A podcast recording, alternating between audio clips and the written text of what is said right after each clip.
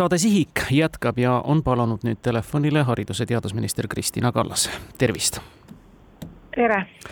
pärast seda emotsionaalset ja rasket perioodi õpetajate streigi näol kogunesid eile nüüd osapooled sõlmimaks siis ühel hetkel ka hariduslepet järgmiseks kolmeks aastaks toimus esimene osapoolte kokkusaamine, arutamine, ilmselt ka teemagruppide paikapanek. Kristina Kallas, kuidas läks? Äh, mina arvan, et läks hästi. meil oli laua taga kuuskümmend kaheksa omavalitsust, äh, nii-öelda ei olnud veel laua taha tulnud üksteist omavalitsust, aga, aga ma olen siiski optimistlik, et ka nemad äh, lõpuks selle protsessiga liituvad. meil olid laua taga koolijuhtide esindajad, õpetajate kaks ametiühingut ja erakoolide esindajad, meil on üle kahekümne erakooli Eestis ka nende esindajad ja siis riigi poolt siis Haridus-Teadusministeeriumi esindajad. Ja selle peaaegu neljatunnise, äh, no natuke lühema aja jooksul me käisime läbi kõigepealt selle, et mis on meie nii-öelda haridusleppe fookus, et kuhu me tahame ju välja jõuda, milles me tahame kokku leppida, mis on see probleem, mida me tegelikult lahendame. Ja noh, kuna Eestis on selline protsess ikkagi esmakordne, kus kõik koolipidajad on laua taga ja soovivad nagu kokku leppida, siis äh, eks seal oli alguses omajagu sellist segadust, et äh, mis need juriidilised raamid on, kellel millised volitused on, milles me saa-, saame kokku leppida, milles me ei saa kokku leppida juriidiliselt, et need olid vaja eile kõik ka ka läbi rääkida, nii et äh, ma loodan, et selline esmakordne protsess on käivitunud ja me jõuame siiski mai lõpus juba ka tööga nii kaugele, et meil on reaalselt võimalik kokkulepe teha. kas Tallinn, Eesti suurim koolipidaja, oli kohal? Oli, oli kohal. see on hea kuulda kuidas nüüd edasi minnakse? sellel haridusleppel, nagu üles loetlesite, oli väga palju osapooli ja ilmselt on nüüd jaotunud kuidagi need osapooled ka siis ja saatnud oma esindajad erinevatesse töögruppidesse. millega kõige rohkem nii-öelda painavam kiire on ja, ja millega te tahate lõpuks siis mai lõpuks, ma saan aru, siis kokkuleppele jõuda? Meil on kolm äh, suurt teemat, äh, milles on vaja sõlmida pikaajalisem kokkulepe hariduses, kus meil see probleemid nagu kõige rohkem ka esile tulevad. üks on, eks ole, õpetajate karjääriperspektiivi puudumine, see, et Eesti on ainuke riik Euroopa Liidus, kus õpetajate äh, nii-öelda palgaastmestik ei sõltu sellest, kui kaua ta on õpetajana töötanud, milline on tema kompetentside tase, milline on tema pädevustase ja selle õpetajate karjäärimudeli töörühma kokkuleppimine ja selles, et meil on vaja seda karjäärimudelit, selles me eile leppisime kokku ja see töörühm nüüd tuleb uuesti kokku ja töötab äh, siis kolmekümnenda aprillini on praegu pandud talle mandaat. kui peaks läbirääkimiste lauale siis tulema ettepanek, milline see õpetajate karjäärimudeli kokkulepe võiks olla. teine oluline teema, äh, me soovime sõlmida äh, kollektiivlepingut õpetajate töötingimuste ja palgamäära osas. ehk siis see, et mis on õpetaja täistööaja sees tööülesanded milline on õpetaja tööaeg, äh, kuidas me arvestame õpetajate töökoormust, et äh, need on hästi olulised äh, õpetajate vaatest, väga olulised ja põhilised põhjused ju, miks tegelikult ka streigiti selle aasta alguses. et seal on väga oluline omavalitsuste roll, kes ju tegelikult määravad õpetajate töötingimusi, nii et seal on soov sõlmida kollektiivlepingut ja selleks on eraldi töö, läbirääkimiste töörühm, kus igalt läbirääkimiste osapoolelt on kaks inimest esindajatena laua taga ja kolmas teema, mis puudutab võib-olla õpetajaid endid vähem, aga on äh, riigi ja omavalitsuste poolne läbirääkimiste teema, on äh, rahastusmudel, äh, kuidas me rahastame koolivõrku, kuidas me rahastame konkreetselt õpetajate ametikohti ja õpilaste pearaha arvestust. seal tuli väga terava teemana üles ka kaasava hariduse küsimus, et see on tekitanud lisaressursi vajadust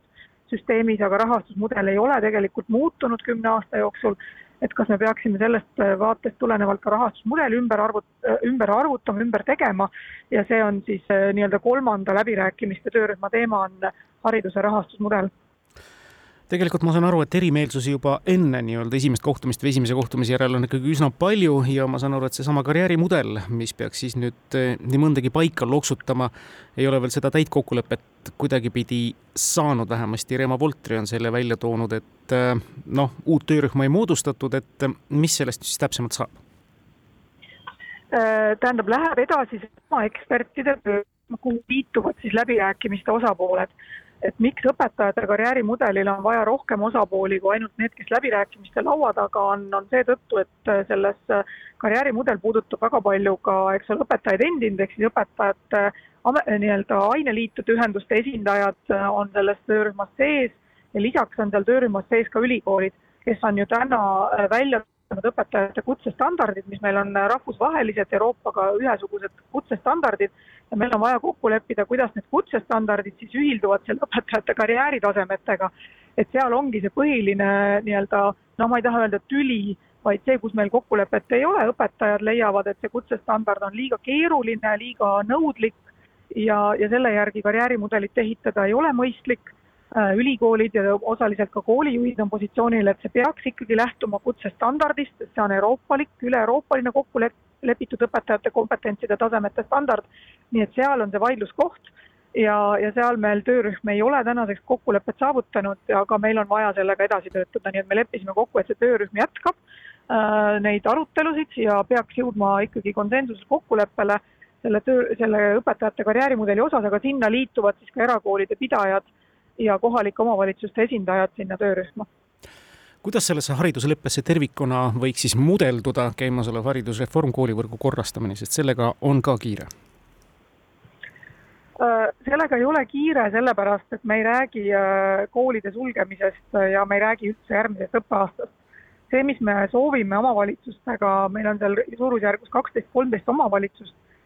läbi rääkida selle, et milline on ikkagi plaan järgmise viie-kümne aasta perspektiivis, sest meie tehtud koolivõrgu analüüs ja demograafia analüüs näitab, et need tänased alla neljakümne õpilasega gümnaasiumite võimekus äh, järgmise viie aasta jooksul head kvaliteetset gümnaasiumiharidust pakkuda oluliselt langeb, sellepärast et õpetajate puudus äh, nendes gümnaasiumites on, aineõpetajate puudus on väga suur. me soovime omavalitsustega läbi rääkida, mis on see plaan. riik on öelnud, et me oleme valmis need õppekohad ja need õpilased, kes täna nendes gümnaasiumites õpivad, võtma nii-öelda riigikoolidesse ja, ja looma riigikoolides täiendavaid õppekohti, selleks et need noored saaksid riigigümnaasiumites või siis riigi kutsekoolides, kus meil on ka ju keskharidusõpe äh,, edasi õppida, aga see on läbirääkimiste küsimus, et, äh, et lõpuks kooli, kooli pidamise otsuse teeb ju ikkagi koolipidaja lõpp-plaan on muidugi ambitsioonikas, see on nüüd suur soov saada tõesti kõigi omavalitsuste allkiri sellele leppele alla, aga omavalitsusi on palju ja tõtt-öelda tundub praegu isegi päris mission impossible'ina ehk siis võimatu ülesandena. noh, Euroopa Liidu konsensust on ka, tundub vähemasti pealt vaadates nagu lihtsam saavutada, arvestades seda, kui kirevad on meie omavalitsused ja sealsete volikogude koosseisud, sest ilma volikogu nõusolekuta midagi ei saa. Te olete siiski optimist um.? No ma, ma pean olema optimist, sellepärast et see õpetajate äh, äh, mure, mis ju streigis lõpuks kõik väljendus, on ju kümne aastaga kogunenud äh, rahulolematus just nimelt nagu oma töötingimuste ja oma palganumbriga ja seal on, eks seda on võimalik lahendada kahte viisi pidi. on riik tuleb ja jälle kehtestab, eks ole, mingid reeglid, ütleb, et õpetajate koormus on selline, õpetajate karjäärimudel on selline, et te peate maksma sellist ja sellist palka ja omavalitsustel sel juhul ei jää muud midagi üle, kui lihtsalt seda siis äh, täita, sellepärast et nii on seadusandja ju otsustanud. Äh, see ei ole tegelikult head tulemust andnud, äh, see on tekitanud olukorra, kus kui ülevalt poolt tuleb surve alla, siis altpoolt tuleb surve vastu ja omavalitsuste ja riigi vahelised suhted koolide pidamise teemal ei ole täna väga head ja selle vahele jäävad õpetajad. vaatan ikkagi Soome poole kus on aastakümnetega kujunenud selline sotsiaalpartnerluse kokkulepe hariduses, et omavahel lepivad kokku kollektiivlepingute raames neljaks aastaks ette õpetajate töötingimused ja palgad, lõpi, lepivad ühelt poolt omavalitsused ja teiselt poolt õpetajate esindajad, riik on tegelikult lihtsalt vaatleja iseenesest läbirääkimiste osapoolena. ja see traditsioon on ikkagi loonud selle, et õpetajatel on kindlus, et kõik osapooled, kes üldhariduse eest vastutavad, tegelikult tahavad kokku leppida. Ja et on kindlus, et sellest kokkuleppest ka kinni peetakse. Ja selle tõttu on Soomes õpetajate olukord ikkagi hoopis teistsugune, õpetajaamet on populaarne vaatamata sellele, vaatamata sellele, et õpetajate töötasu Soomes on üsna sarnane nagu Eesti õpetajate töötasule suhtarvuna keskmisesse palka. Soome õpetaja saab umbes sada üheksa, sada kümme protsenti äh, Soome keskmisest palgast endale tasu, aga, aga see on populaarne amet, sinna tahetakse minna sest on kindlus neljaks aastaks ette, millised on nagu töötingimused. ja me soo-, minu soov on olnud ja ka EHL-i soov on olnud, et me liiguksime Eestis ka pigem, eks ole, sellise nii-öelda poliitika kujundamise traditsiooni juurde, et me oleme omavalitsustega siin kokkuleppepartnerid, mitte me ei jõusta regulatsioone ülevalt alla ja, ja ei, ei nii-öelda ei muretse selle pärast, et mis seal, kas seal allpool on piisavalt ressursse tegelikult, et neid regulatsioone täita Kristina Kallas, lõpetuseks kuu aega on streigist möödas, ees seisab nüüd üks nädalane koolivaheaeg veel ka, aga samal ajal on siit-sealt ikkagi kosta olnud õpilaste seast endisest nurinat, et see kuu, noh, poolteist nädalat piltlikult öeldes õpetajate streik ikkagi jättis haridusse nii palju jälge või, või, või lõtku, et kõike seda tuli ju järsult ja kõike nii-öelda järele võtta materjali vormis. Kas streigihaavad on tänaseks lakutud teie teada? noh, selles mõttes emotsioonid on, emotsioonid on tõenäoliselt lihtsalt taandunud, aga ega probleemid on ju lahendamata, et äh, tavaliselt ongi kippunud niimoodi olema, et kui on kriis, siis äh, akuutne kriisifaas läheb mööda ja siis minnakse nii-öelda tavarutiinide juurde tagasi ja aga, aga ma loodan, et me siiski ei lähe nii-öelda tavarutiinide juurde tagasi ja ei, ei tiksu edasi nii, nagu seni on olnud